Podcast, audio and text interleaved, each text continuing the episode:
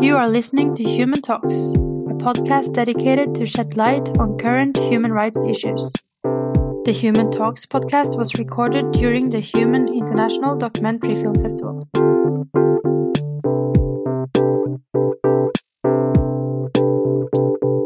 Uh, so welcome to all of you. Uh, it's great to uh, to see that you have uh, arrived. Um, the topic we will talk about for the next hour or so is uh, the threat of ultranationalism um, in in Ukraine, especially, but also in a European context. Um, so uh, my name is Åge Borchgrevink. I am a writer, journalist, and I'm also an advisor in the Helsinki Committee, Norwegian Helsinki Committee. And uh, uh, we have a, a, really interesting and uh, great panel today. Uh, first, uh, Alexandra Matvychenko, um, who is the leader of uh, the Civil Liberties Union in, in Kiev, Ukraine, and a really well known Ukrainian and European human rights defender also the recipient of the Norwegian Conservative Party's Human Rights Prize some years ago, 2015, I think. Yes. Mm -hmm. yeah.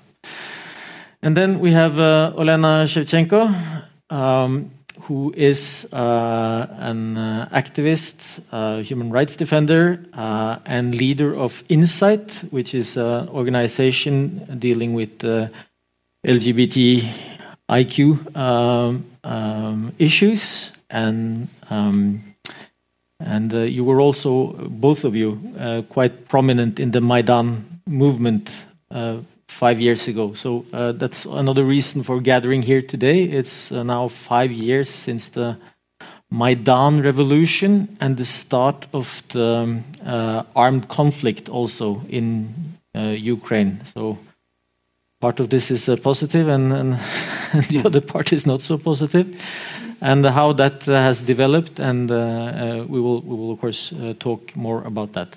And uh, lastly, but not leastly, as, we say, uh, it's uh, Simen uh, Ekern, a well-known Norwegian journalist and writer, including of well, I think your last book was called "I Am the People," And when I read that you had written a, a, book which was titled "I Am the People," I was wondering if you were feeling well. But I understood then it, it is uh, uh, it is dealing with the populism and uh, extremism in in Europe, and uh, I think that's uh, um, a, a, very good perspective to have on on Ukraine. Um, right. So. Um, we unfortunately do not have a film uh, either, you know, preceding us or following us but uh, uh, to you know to kickstart the uh, discussion of of ultranationalism, nationalism, I was thinking of just making a, very brief um, um, observation. So I think that in in a, Norwegian context, the term nationalism is has very heavy negative connotations. Um, but um, that is not necessarily uh, correct, I think. Um, in a number of countries, um, nationalism is more connected to, to democratic and liberal ideas, and, Ukraine might be one of those places. Um, also, uh, nationalism became a centerpiece of the propaganda efforts that uh, that, was part that was really integral in the war and somehow still ongoing.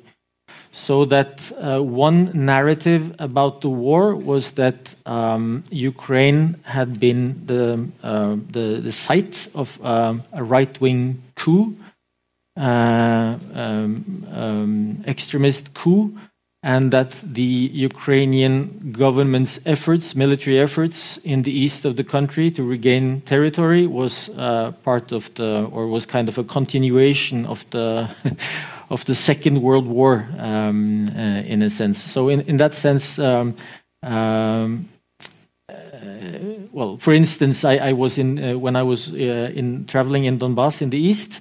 I came to a town which had been become famous in Russian media as the place where uh, Ukrainian military forces had uh, taken a little boy and crucified him.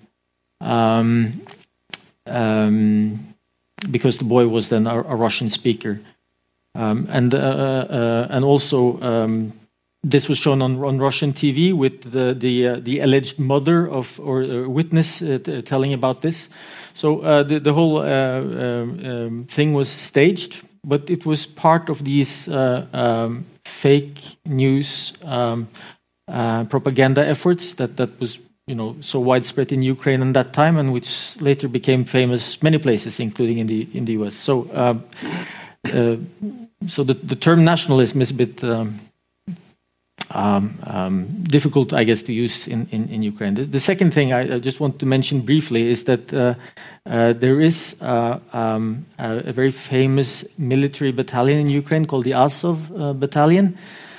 In a very recent report by a British um, um, um, observatory group, uh, they write about this uh, Azov battalion's efforts at making connections in Western Europe and, and the United States with right wing and uh, um, Nazi fascist uh, uh, circles there in order to attract volunteers. And um, anyway, so as it turned out, the middleman between these, this Ukrainian armed form group uh, and uh, American uh, um, um, you know, white power and Nazi groups is a Norwegian guy. And um, he was interviewed in, in the United States, and then he said, um, and then he said, uh, uh, now he, that he is, uh, he came to fight for Ukraine on the Ukrainian side with the Azov battalion, but afterwards, uh, he will proceed to direct action aimed at the West, including attacks on the government of Norway. I'd target the government with anything necessary, uh, any means necessary. And this is a quote from this Norwegian volunteer fighter in the Ukraine. So, um, so even though we are discussing uh, uh, extremism in Ukraine, it might be relevant also in a European and even Norwegian context. So, uh, turning um, turning to you, uh, Alexandra, um, maybe you can uh, help to explain a little bit what you think about uh, nationalism in in in Ukraine, and if you use the term yourself, and in what sense.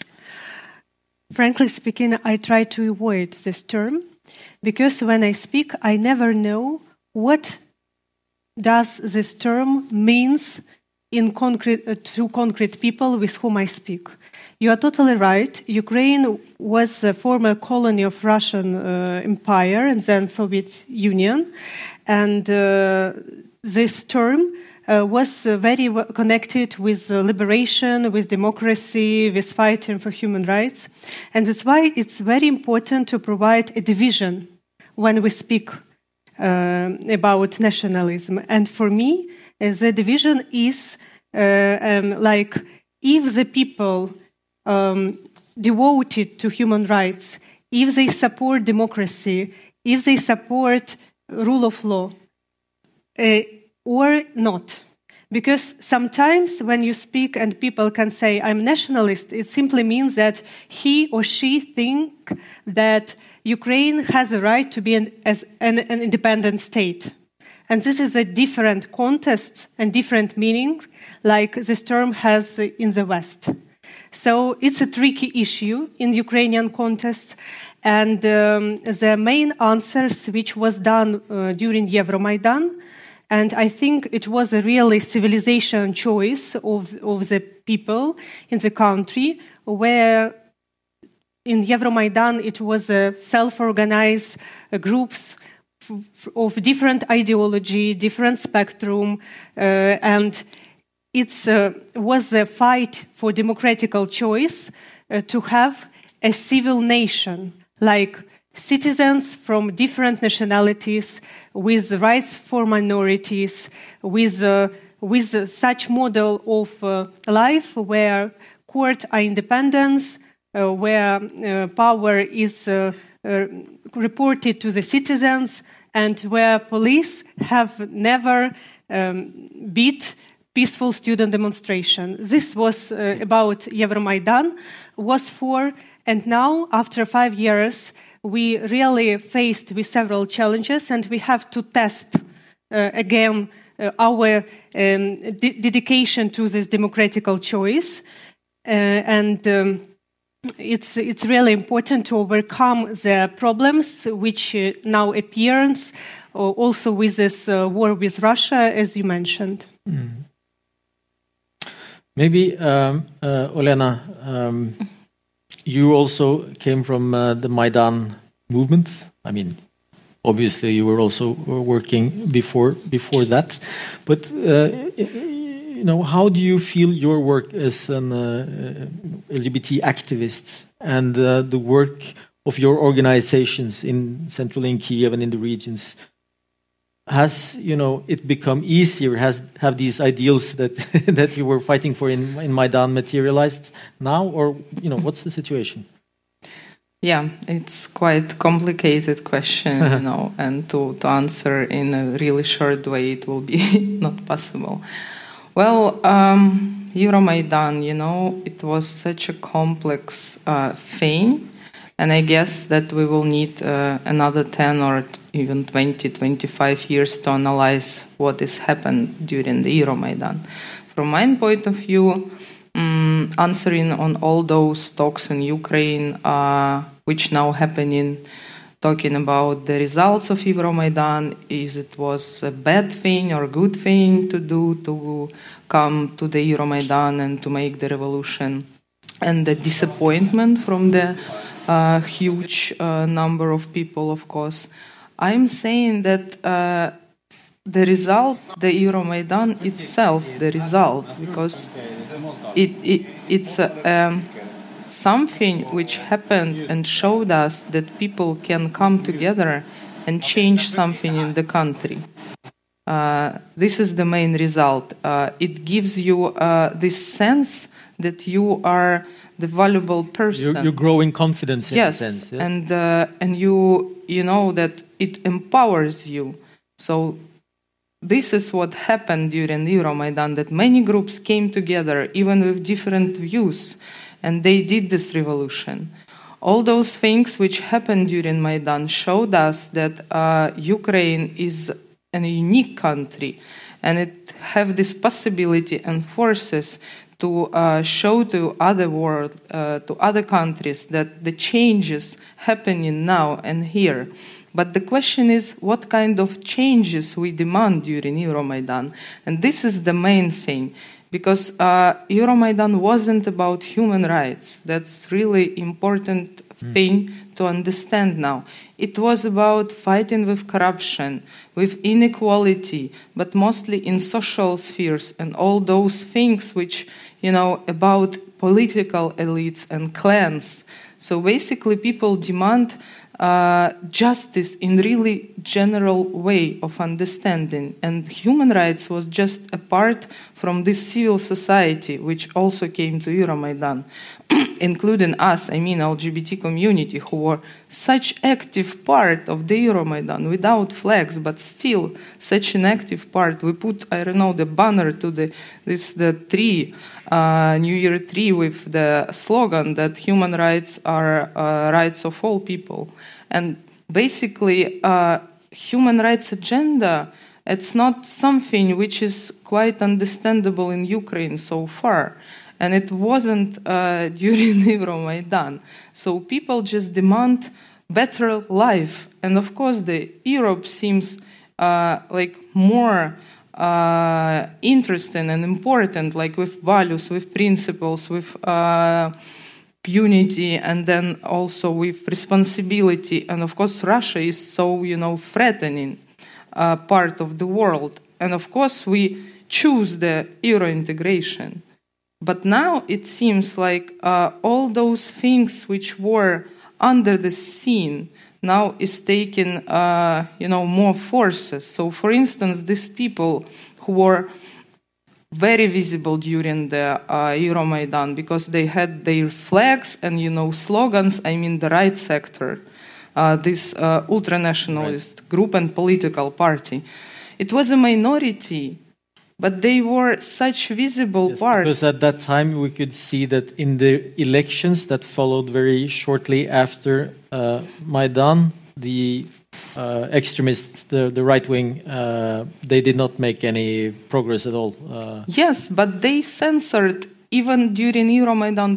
They censored different groups. They attacked LGBT, they attacked feminists, they attacked leftists, and nothing happened with those attacks. Like people, like put in this atmosphere of fear, like they do now. Those ultra-nationalist groups on the civil society. It's always been there, but in different scales. So basically, that's why then you ask me what about the LGBT, uh, you know, scope of work or freedoms or rights in Ukraine. I would say that it became worse because now we don't have even this right for the peaceful assembly because each time we are going to public sphere we have these attacks from ultranationalist mm. groups and no investigation from the state mm. and that's another question how they support i mean the state directly supporting the ultranationalist groups and why they do it Russian propaganda became true then. but that's like Russian propaganda. It's also the huge thing. Like, and uh, one part uh, about this propaganda, this imposing this traditional values trend on the different countries. But they don't have to impose it on Ukraine because we also uh, have this nationalist, ultra-nationalist, and also other political parties who are not declaring themselves as nationalist, but still they exploit, uh, explore this uh, traditional value trend to receive more votes. Because in the country where you don't have any economical, social, or other successes or reforms, you need to give something to people. And this is like, you know, this, uh, for instance, three words from the Poroshenko president uh, language, belief, and army. Like belief in spirit, belief in traditional values. What does it mean, traditional values? But that's against LGBT, against gender uh, mainstreaming, against gender ideology, like they call it the threat to national security. Right. Yeah, I um, would like you to comment on that, uh, Alexandra. But uh, I, I would like to question, uh, to challenge also Simen to to define the terms a little bit for us. And and, and but you you hear about um, um, um, developments and and and to put it also in in European context. But Alexandra, you wanted to. I, want to touch uh, the, the very important point which Olena started, uh, the, the, point of Russian propaganda. Because Russian propaganda, it's uh, for one hand, is fabricated fake news, but, but for another hand, this is a technology when the real problem, which real exists, become uh, to show like a huge, huge coverage. And uh, we always have to understand the context of this problem. And if we speak about um, violence against uh, LGBT people or this, uh, this uh, horrible accident with Roma community, uh, um, which was attacked by radical groups in Ukraine, we have to understand the context, why it happens. And here we have two factors, which is very important and which is different from the Europe, for example. The first factor is a war. And unfortunately, it's very natural to each society which is in war uh, that the rate of tolerance to violence is increasing. It's like a psychological mechanism. Maybe it's not uh, my, like a lawyer, uh, sphere of expertise, but it always happens.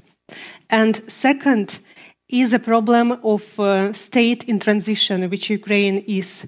We have unreformed uh, institutions like po- unreformed police, unreformed judiciary, and in these opticals, even a small violence become dangerous because state couldn't or don't want to respond effectively on it.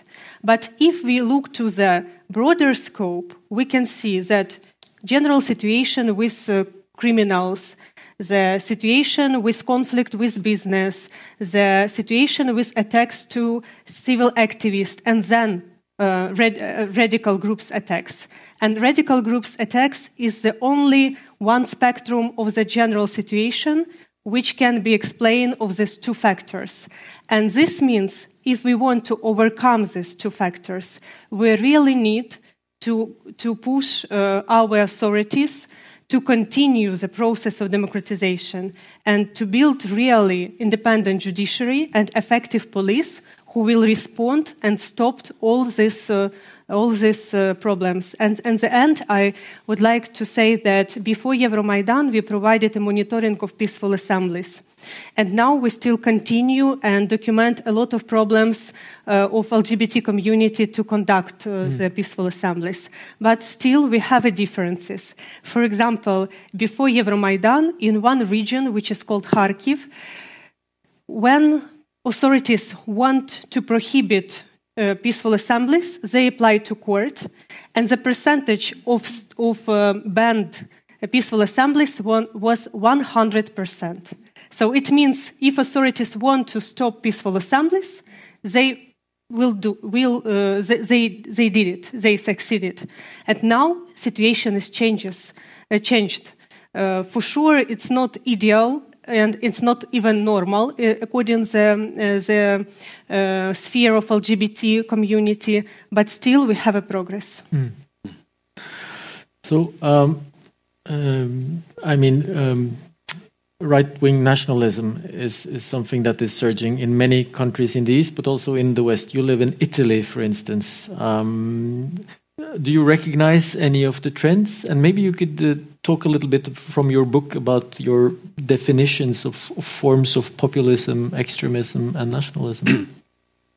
well, I mean, the trends are in a in a way pan-European, but I think the point made is extremely important when we discuss nationalism. So the, the, the actual being in a state of war completely alters uh, the the discussion, but it also uh, um, makes it more uh, dangerous with with with a, certain type of of, of uh, nationalist violence, exactly because uh, of the uh, level of acceptance of violence. I think that you mentioned, and also the access to weapons generally. Mm -hmm. um, and the way that the society's mentality is altered makes a country like Ukraine now, I think, uh, very attractive for various uh, uh, political or military adventurers like our Norwegian uh, uh, the Norwegian example that you mentioned, obviously entering into a society which uh, shows signs of disintegration, shows uh, signs of, of, of unclear, uh, uh an unclear political situation, will be um, extremely uh, interesting for any kind of uh, of movement. Exactly because the situation is it, it can be altered. So it's a perfect place for a pragmatic right-wing nationalist project in any way. You can manipulate. Steve Bannon will go to Ukraine. Well, I mean, uh, it would it would be it would be perfect because you can somehow build so many things in in a in a society uh, in flux in that sense. I think. I mean, it's. It's a, it's a horrible example to use, but it's clear that if one asks an historian about the important factors for fascism in Italy, the point about a war that has had just ended, the acceptance of violence, or the, uh, the, the, the population being used to violence, mm. made it much easier for the fascist thugs to enter into uh, to to Italian society and to break up the civil society and to threaten people or with or without violence to stop their various projects that were against their ideology. So it's clear that this is somehow it is a particular example, and I think the war is what makes it particular and, and, and particularly uh, problematic, disturbing, challenging. And, and, and on top of that, then obviously there is this general trend of, of uh, I think, uh, nationalism, but also maybe even more importantly, using nationalism as something that can be opposed on your right wing political project. Right. Uh, uh, I, there is a lot of opportunistic nationalism going around in Europe these days. Could see it in Spain that suddenly now also got a, a right wing, far right populist party that suddenly started to speak about various historical um, dates in Spain's history that were now perceived to be what the Spanish people were actually thinking about at home. King and church will make a return in politics. Yeah, well, I mean, we should have won that battle back in whenever. It's the same as Viktor Orban suddenly starts speaking about various historical moments in Hungary's history as if that was what the Hungarian people Right. Were, were worried about or thinking about. So you're using it for something and then you make it look like this is what the people want. And I think that's also something that one will see in, in, a, in a discussion like this, that it's, it's very useful and you could use it in very many different ways, this kind of nationalist rhetoric. Yeah. Look, uh, Olena, I, I, I maybe would challenge you just to to uh, to um, uh, explain us something. So uh, I, I just mentioned this uh, Azov battalion, volunteer battalion, that was uh, that kind of came into existence around the time of Maidan and then became a military factor in the uh, war in the east. And it now has appears to have several branches. And uh, no okay so even though the courts they do not ban the lgbt uh, um, uh, demonstrations or whatever instead you have strange people coming breaking them up. Is that a, is there a connection to the azov like net network or what how to call it in that? Yeah, maybe you could just like briefly just tell us about what what what kind of thing is this the azov battalion? We can call it a network, but now they call themselves uh, a political party, like they are officially registered National Cor- Corpus. Uh, yes, they have they have like a, a, political branch now, which is called a national core or corpus. Yes? Well, you can't call it like official branch because even during these uh, things happening with Azov battalion and their, you know, open uh, things uh, connected to nazism, like science, and then also uh, interviews, and then also different things they did. Um, they basically uh, are part of the National Guardia of Ukraine. Now it's official part, and they have a civic corpus, mm. which is called National Druzhiny. And National Druzhiny is the uh, huge oh, now. Well, I can call it like a huge army within the uh, Ukraine, which have uh, many brand, br- branches in the different regions of Ukraine. So it's those people who are forming these battalions, patrolling streets, uh, doing the marches uh, with really uh, nation uh, this Nazi- na- Nazism symbolic. And their leader, Andrei Beletsky, he was openly a racist, uh, talking about white race, uh, the right of nation, the fight with otherness, uh, LGBT, Roma, others, migrants, and then uh, then they registered as political party after all those scandals with Azov. They just put it out of the program, like really open uh, words about the purity of nation, uh, but it's still there. And um Many people, for instance, who are in the leading position of this uh, national corpus and national družiny, they came from Russian ultranationalist groups um, during the war, and this sense of um, like you know uh, the war so they were fighting each other but now kind of allies or? I don't think they fight each other. Mm. i think they uh, cooperate before. Right. It's it's like it's my uh, thinking uh, mm, under all those uh, things which happened, and they also really connected to the international movement. I mean, international ultra right movement, because we have so many evidence now that they are going to United States and receive money for training camps, and then also visiting each other, and. Um, the thing is uh, with Ukrainian society, you know, the fascism also started from the small things, from small changes, like, you know, step by step.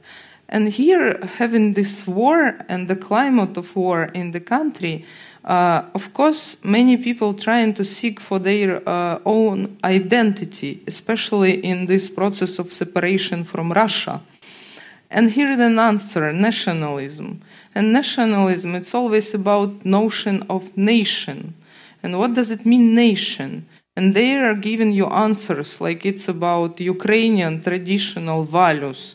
Uh, it's about family where the women should be in the kitchen in the private sphere because that's the uh, main thing for the man, real hero, to protect the country from from whom? From migrants, from other nationalities, from Roma people, because they call it garbage, openly call it the garbage. We need to clear our country. That's what they did during this, those uh, brutal attacks on Roma people, which also uninvestigated, uh, all of them.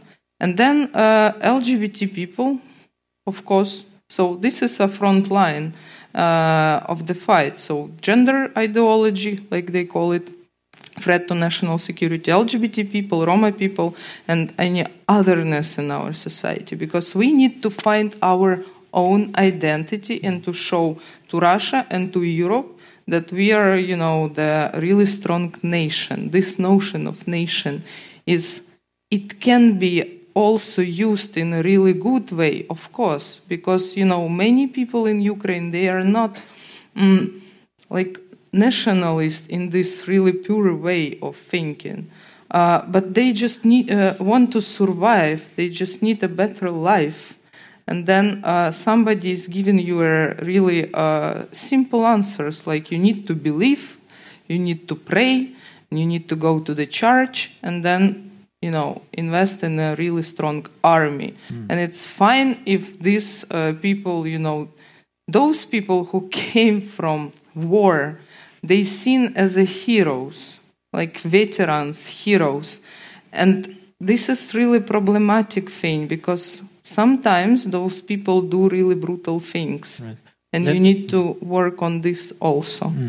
Just, uh, uh, I mean, um, we, we are now approaching again elections in Ukraine. There are several things to to to say about these elections, but uh, going back to um, the nationalists and and the right wing parties and candidates, you know, uh, uh, four years ago, they did not uh, have a good showing. Now, uh, with um, uh, we were talking about uh, Azov uh, and uh, and its uh, civilian counterparts, is that linked to certain politicians now? Is it becoming like a political factor um, uh, in a, in a sense? It's a good question, and I would like to start to wi- with. I always try to answer with a broader context, and uh, I would like to start um, to understand this uh, dynamic of uh, uh, right uh, parties. Um, I will start from Maidan because just simple statistics. In Maidan, two million people was was active participators, like the, two million people protesting, Not only in Kiev, but in not only in Kiev, mm. in, in different regions. Five million people was infrastructure for these protests. Like, for example, I coordinated a civil initiative Euromaidan SOS, and we provided legal aid and other assistance for people who were persecuted, like beaten people, accused and fabricated criminal or administrative charge, tortured people, abducted people. Some, uh, some groups uh, provide medical care, some groups provide accommodation. So you can imagine 7 million people actively participated in Euromaidan protests. And now, right in the biggest uh, biggest popular civic uh, gathering in Europe over the, this. Uh, Yes, century. and, and uh, our colleagues from Russia um, names our protest on Euromaidan the most uh, biggest human rights protest in our region. It's, it's their, w- w- in their uh, words, not mine. So no wonder Putin is afraid. Yes, for sure. right sector who appeared on Maidan has 200 people. So you can compare 7 million and 200. It's huge difference. Frankly speaking, during Maidan, we don't know about right sector because uh, it was popularized by Russian media who use uh, right sector on the same level uh, as they use the name of leading Putin's party, Единая Россия. They, they pro bono provided adv- right, sector. And after war, we really uh, faced with phenomena when these radical groups go to army and really um, and really defended country, and this use this heroistic um, like uh, image that we are defenders. And this led to change to society. The society, uh, society start to um, first understand that this group exists because before it it was marginalized. And second uh, start to have a normal attitude because it's our defenders and it's really understandable. But it's very important that this um, public uh, legitimization don't lead to political representation. Even now ukraine uh, in ukrainian people don't provide political vote for this ideology. For, for, for example, in, in uh, Germany, you have alternative in parliament. In Austria, you have right party in parliament. In Hungary, you have Jobbik. In Ukraine, you have no right party in parliament. They couldn't even reach the one percentage of vote of general population. And, uh, the, the pro, uh, and uh, in nearest future the situation will not changes that's why for example national corpus which was mentioned by elena don't even go for presidential election uh, it's don't But they sound like storm troops. So I think, you know, who are they storm troops for? There must be some political or economic force behind here. So um, they have uh, the leader, for example, of National Corpus, who now in parliament, they now in parliament not because people vote for him as for his ideology. He go with the uh, party of our former prime minister. He now in parliament because of uh, business agreements, not because of ideology. And this is also a problem, but another kind of problem which we observe in Ukraine. Uh, why I, why I um, try to explain all this configuration? Because uh, we, as a human rights defender, are very um, uh, like uh, with a great um, worries look to this negative mobilization. Because uh, it's it's uh, can be in situation with weak state bodies real threats uh, and um, but we need to understand the broader context because only the understanding of context can can provide the answers how to deal with this phenomena. Do you agree with uh, that analysis, or are you more pessimistic, uh, uh, uh, Olena? Well, I uh, I'm sure they already in the parliament. That's the thing. I mm, I guess that well in our parliament and in our society, it's not the tradition to to have this you know voting for the programs, voting for the leftist, right, or liberal, or so, social democratic. Nobody knows what does it mean, honestly. People just uh, who are in the parliament, they are already uh, right wing because of those traditional values orientation you know and this person also Biletsky he's also in the parliament like Alexandra said. And uh, this is clan of the our minister of internal affairs who is responsible for the police. And yeah and other groups are under another groups of uh, those uh, who So what you are describing is that there is the, the, the tradition, or I mean, the Ukrainian clan politics, where they, powerful they don't need to made. go for the elections. well, uh, that's not their aim. Okay, so and and um, going back to the uh, elections now, the front runner does not appear to be the, the, the sitting president, Mr. Poroshenko, nor the you know former prime minister and very famous uh, politician uh, Yulia Tymoshenko, but uh, a, a guy from TV, Comic.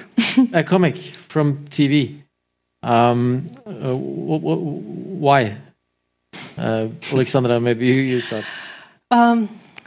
It's very understandable why uh, one uh, the, the current president and former prime minister are on the leading uh, of this election. I, I think it's it's not need uh, explanation. You would But- think that they have a lot of support of money and uh, resources. Yes, Money. in, in Ukrainian system, political system, which unfortunately not uh, um, what overloaded after Euromaidan because of different reasons, uh, they have a lot of resources. I will explain the phenomenon of these comics, and uh, it's very tricky because. Uh, it has one positive uh, side of this phenomena and negative His side. name is Volodymyr Zelensky. Zelensky. Zelensky. The positive side is uh, that uh, a huge part of Ukrainian population have a demand to new quality of politics, and they want, they really want to see a new people in power. And that's why a lot of part, even now, before the uh, we have election after two or three weeks, even now they don't know for whom they will vote for. They they, they have not decided yet.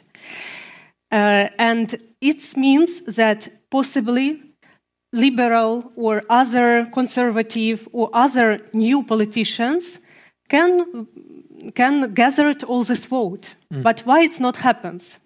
Because the channels between people and between these politicians is TV. and TV controlled by oligarchs. And one oligarchs uh, open the place for this comic from TV and uh, provide a lot of opportunities to him to speak to people. And that's why comic Zelensky obtain this uh, uh, demand, new demand of people for a new faces. They couldn't see another new faces. Zelensky is the only new faces which they have can see on TV, and that's why uh, he has such huge ratings. So that's, I, I said that the positive side is that Ukrainian society want to change. The negative side is that uh, in current situation with this uh, with this um, channels between um, population and and um, politicians, which is TV, uh, the new faces have a very limited access to be successful. Right, and new faces that appear to be new faces might be controlled by old uh, money, or, or so to speak. Do you recognize uh, this uh, uh, situation from other countries, Simen? Well, You live in Rome. This um, this all sounds like something Italy has tried. Obviously, both first with Berlusconi because the TV was the the dominating medium at the time, and then obviously with the comic Beppe Grillo, who used internet instead and somehow made a whole new platform outside of the perceived system of of uh, power and media, and and uh, unfortunately.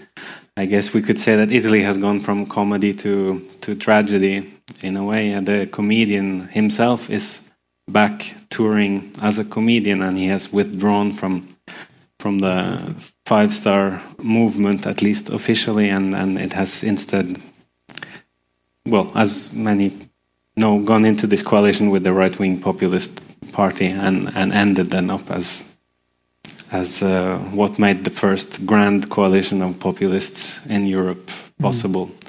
So it's a particular, but I think it's very. I mean, it is a reflection of a reality we see uh, in in all European countries. There is a sensation of a lack of trust in in uh, liberal democracy, a feeling that politicians don't represent uh, us anymore, and this obviously creates an extremely uncertain situation. Because on the one hand, there is energy in this, and it's it's fabulous, and you can have uh, the the protests in Spain, or you can have uh, Occupy Wall Street, or you can have uh, Euromaidan, which is a little bit different. But there is a, an, an enormous amount of energy going around, and then you can also channel it into different projects that seem to somehow use this situation for something that is not always. It's not easy to predict how it will end up, and that, so I would say maybe the Italian example is that someone you've seen a lot on TV as a comedian is not the best way to get this people's energy or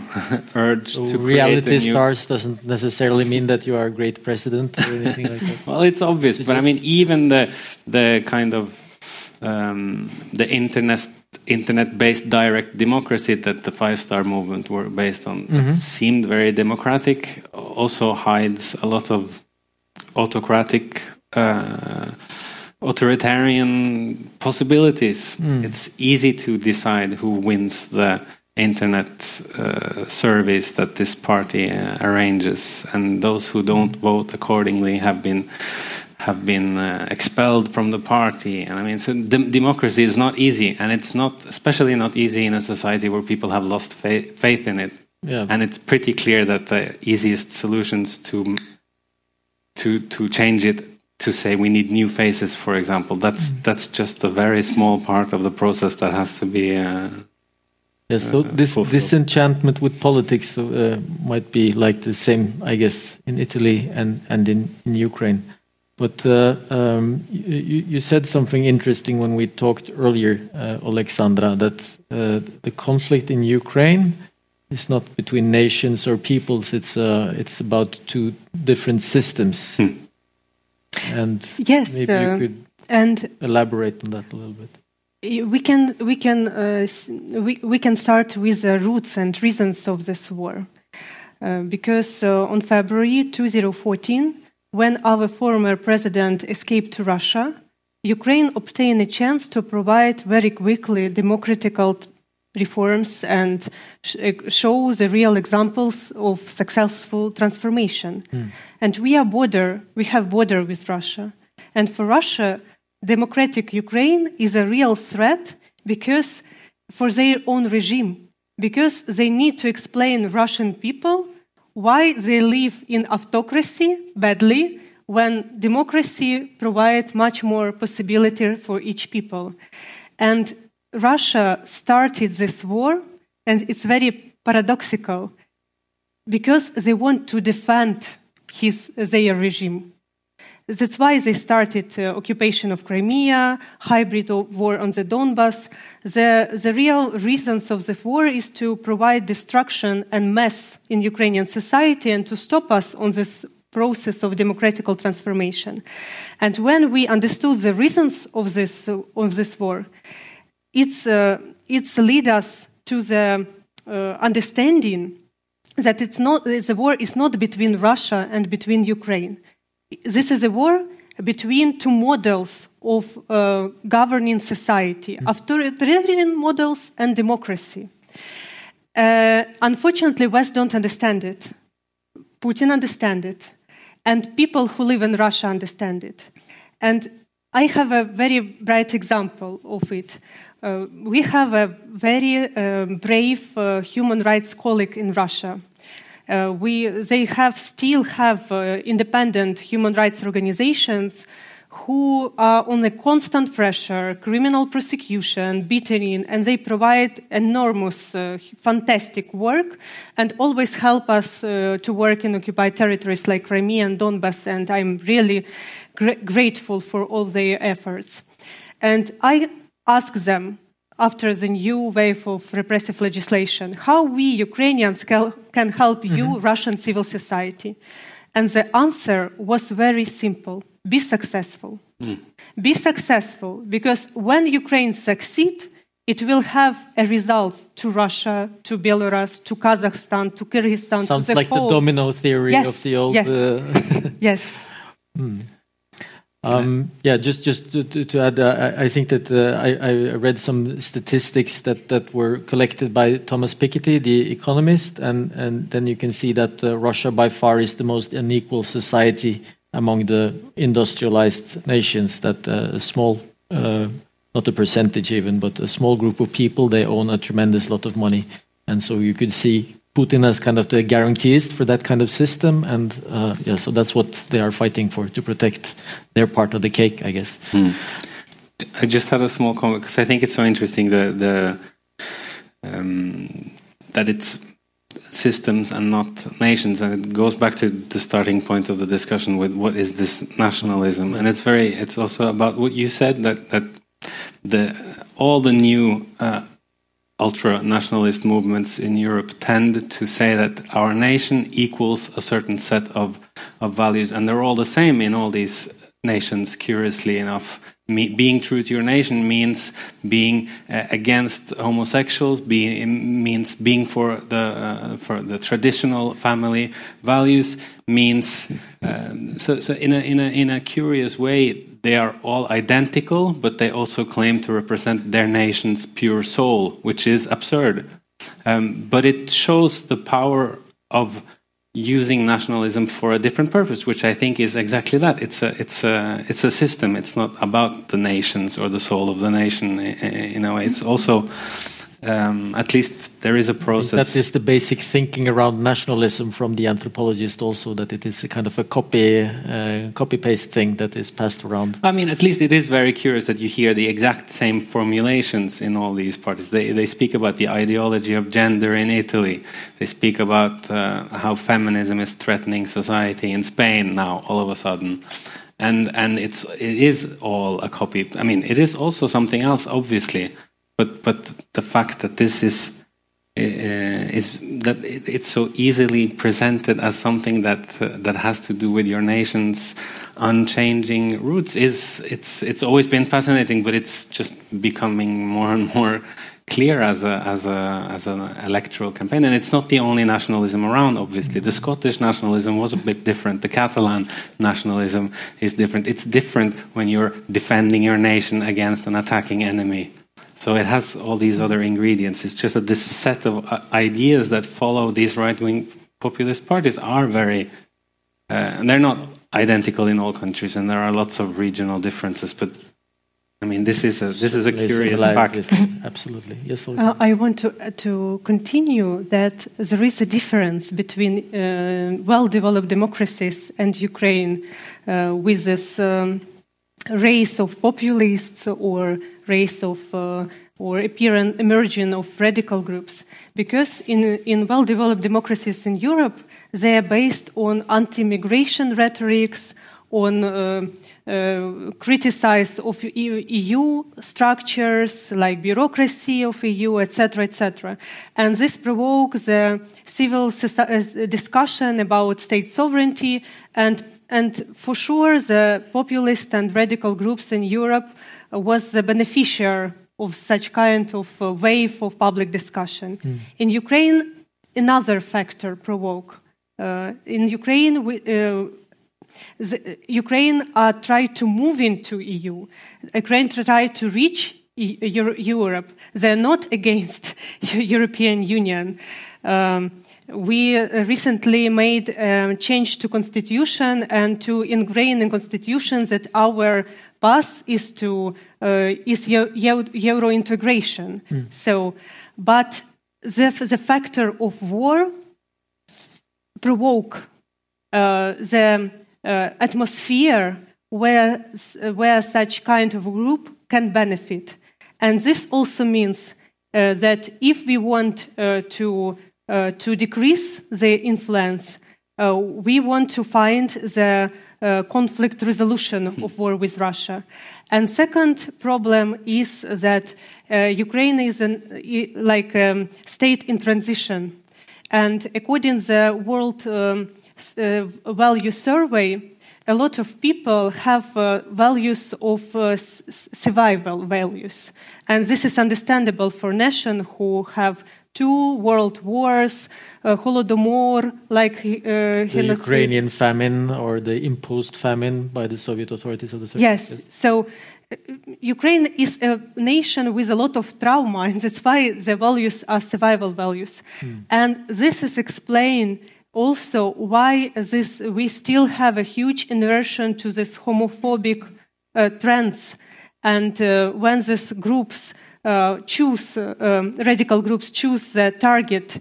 They choose LGBT community, they choose Roma community because the whole society is, uh, um, is, is still on the uh, process of uh, developing. Mm. Look, uh, I, I, think um, um, at some point maybe we can take a few questions. Um, but Olena, you, you just re released or are you are in the process of releasing. I think Insight, your organization, is in the process of releasing a, a report. Uh, and uh, um, I, I, I, just had a glance uh, on it, and then I, I, saw that you wrote about a state program aimed at fostering patriotism in in in the population. Yeah. And that means that the, the state is giving mm. money. Uh, apparently, the, the Ministry of Youth and Sports, among others, are giving money to, to certain groups. And uh, among those groups, I saw that there was one group called the C14. Mm-hmm. Yeah, that those groups, uh, that group which attacked, brutally attacked Roma people uh, several times, and no investigation was started around this issue. Uh, but let's start that, that the nationalism, I think it's also the tool, tool, uh, an instrument on how to put the censorship on the civil society. Uh, that's why they so broadly use it in different countries. So basically, then it comes to politic, uh, political will and everything like that. If you want to uh, censor the civil society spaces and shrink this. Um, places for people to protest, to uh, go for the changes, you know, for the freedom of speech and for the um, everything. Uh, you just put the atmosphere of fear and how you can do it uh, that's the best instrument actually and the funny thing funny thing is that in uh, russia it was the same like putin used such groups of nationalists small groups just to uh, put the censor censorship, and then uh, that uh, law yes, came. would beat up environmental activists. Yes, like yes, came laws like on the prohibition of propaganda of homosexuality. It, it was the first one, and nobody came to protect LGBT people. Mm. Nobody from the civil society, and then it was foreign law. Uh, on the foreign agents. But the funny thing also that our parliament from time to time uh, also discussed this possibility to put this uh, foreign agents law because they call many organizations like granto eaters and soros agents uh, and also like so now we have a putin agents and soros agents. And then the nationalist who is the, for the purity of nation and ukrainian choice. Hmm. so basically this ukrainian choice is the same like this uh, russian choice which was uh, very popular before the revolution uh, and uh, totally associated with russia. So where is the this you know distinction? So yeah the uh, the report. The report is uh, actually showing this program which were uh, was adopted in 2016 and call it national patriotical education mm. aimed at youth uh, and it's a huge amount of money from the state going to different organizations and also on the local level in regions they have their own budgets and they need to um, fulfill the obligations on the different actions and then comes these uh, organizations like c14 who is uh, c14 as i understand 14 it is this famous phrase yeah. in the uh, extremist circles that we must protect the uh, existence of our people and the future of white the white race. It's fascist, yeah, yeah. It's fascist, and um, and they uh, receive the money for educational activities. And the Azov battalion and National Corpus, like these uh, camps for youth Azovets, they receive the money for this uh, preparation, uh, the nation to the war and uh, with this ideological LGBT zombie. organizations, I guess, did not receive any money from the Patriotic Fund. Never, and from the state as well. Mm. Um, and um, have you ever applied? Yes. For the state and refused. Okay. Look, uh, I, I, think uh, we have time for a few questions, if there are any. And it seems I can see one hand because the hand is white. It's easier to see in the dark. It's actually black. Um, from South Africa, um, and obviously you know, nationalism there has its own manifestations. And I, I know we always try and it's natural for us to want to put things into boxes. But what I'm hearing from the um, stage is that um, it doesn't, you know, and I would agree, while some nationalisms have a progressive impulse that they can take us forward in some ways, particularly when we've got a very hostile, powerful neighbour who have historically been uh, an oppressive force to any national uh, determination or national consciousness. So, are you saying, my question is, is there any progressive uh, articulation around uh, a nationalist consciousness or nationalist politics in Ukraine?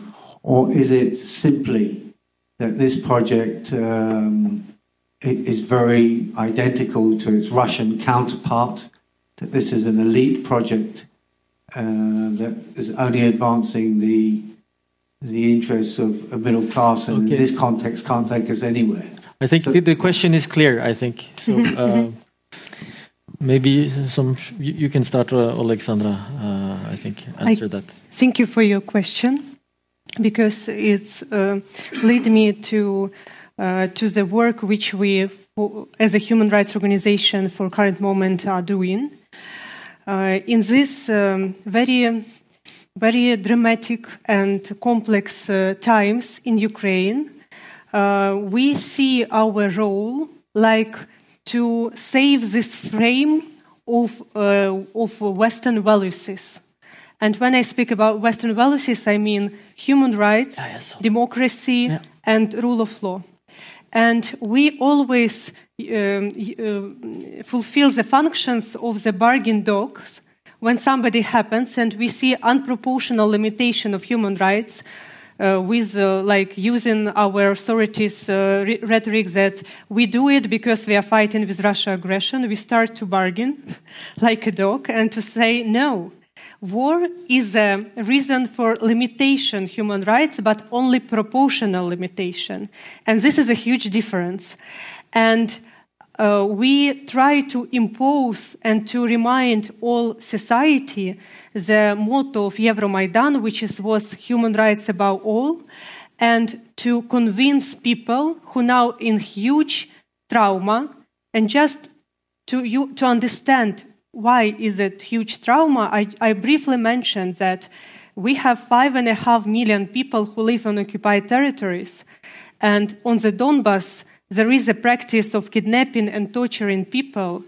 And the people who then returned to the ukrainian controlled parts said they were raped smashed into wooden boxes their fingers are cut and their eyes are pulled out, out with spoons so you can imagine what is the trauma and pain and emotional feelings which now Ukrainian society has. But even with these feelings, we always remain that there is no sense to win war with Russia and to transfer themselves to Russia. We are fighting not for territories, not only for territories. We are fighting for our democratical choice. And that's why we have to fulfill the values which we are fighting for. I think we'll have uh, time for uh, one more question. There is one over here. And after that, I think uh, we are already on overtime, Thank so we will we will end it uh, when uh, we have uh, answered your question. Thanks a lot, guys, for a fruitful discussion. And, and could you say who you are? Uh, my name is Natalia Yeremeyeva. I, uh, I come from Oslo Metropolitan University. And I, Olena identified specific problems uh, LGBT community faces in Ukraine. And what I was really lacking in this discussion it was Alexandra's response, what human rights activists like herself do or have been doing in order to solve this kind of problems. Thanks a lot. Uh, thank you for your question because it's uh, give me opportunity to uh, to uh, describe our activities.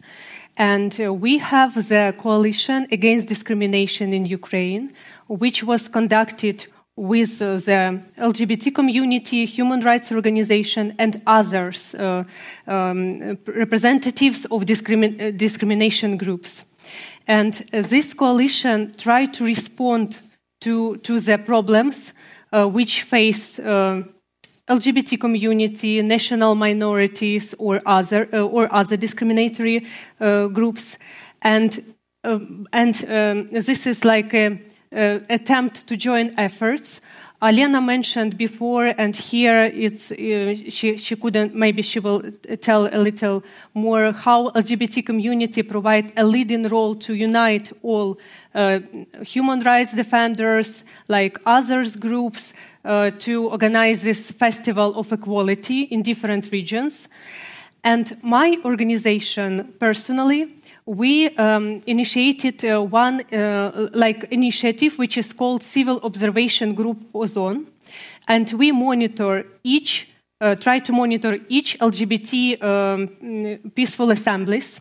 Not only Kiev Pride, but uh, also the like uh, we will have. Um, uh, 8th of March um, action in, in regions, and we move to the regions to see how the police behavior, their, their positive duties, how they protect or not protect uh, LGBT community and peaceful, uh, peaceful protesters who are going.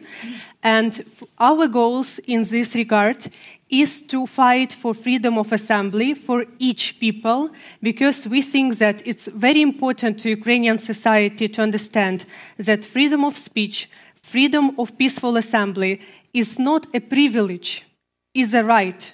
And each people has to have it. Is one part of work which my personal organization is doing, and we uh, we have a network of this civil obs- obs- um, observ- observer monitors throughout Ukraine. And second part, we try to monitor the legislation because, as uh, Alena told, uh, some uh, deputies maybe try to obtain some some political benefits and they copy this Russian experience and sometimes these homophobic uh, laws appeared in the parliament. And we go to a parliamentary committee, we send our analysis, and we try to perceive um, MPs that it's not normal in in country who claim and demonstrate the uh, the uh, transformation process to EU uh, to have even such kind of draft of law. So it's second part of um, our work.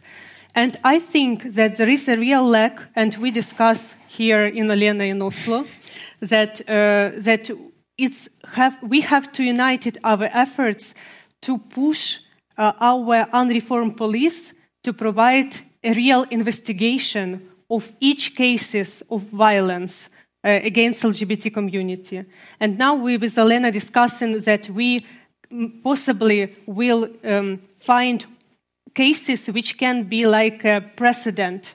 And when we fulfill access, uh, success in this precedent, it will provide a strong message to the, to the whole country that this group is not untouchable anymore. Mm. Well, I Okay, just. Thank uh, you, Alexander. Yes, if you yeah, could. I and, just and, want- and Olena, just also, uh, if you could, uh, uh, maybe one thing is now Alexandra said what she, as a, Ukrainian human rights defender, could do. But is there anything like a country like Norway could do? Um, the, my first comment will be on the nationalism. I uh, personally, I don't see any good things uh, in uh, nationalism because it's always about discrimination and putting people in the such you know hierarchy. Like one nation is always better than everybody else. And what what does it mean, nation? Honestly, we all mixed and. Uh, yeah, that, that's that's awful. I guess that we need to fight, uh, um, unite our efforts internationally to fight this trend, and to stop using this tool for the populists to come to the uh, parliaments of different countries because it seems like the common trend. And um, talking what international community can do, well, yes, uh, to to push on Ukraine. Unfortunately, everything which is happening in Ukraine in a good way, I mean, in terms of the reforms, uh, happened due uh, to the uh, money which Ukraine received.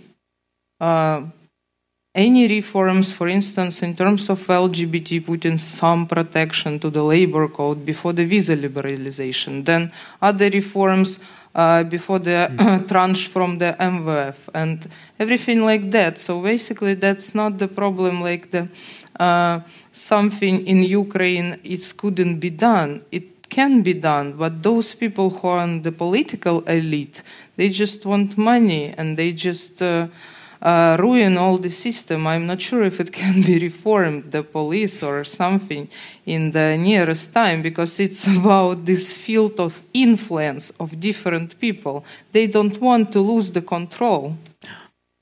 I understand. So it seems like, uh, uh, you know, in five years we'll be sitting here discussing another Ukrainian revolution, perhaps. Uh, Um, here, I want to add that um, in our sphere, and uh, Alena also can uh, can support this, that we we are optimists.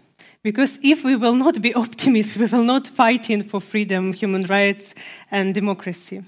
And that's why I'm looking in future with optimism. I don't see uh, that future will be easier. It will be difficult. It will be interesting, but I'm, I'm, I'm confident that sooner or later we succeed. That was the perfect ending. Thank you all.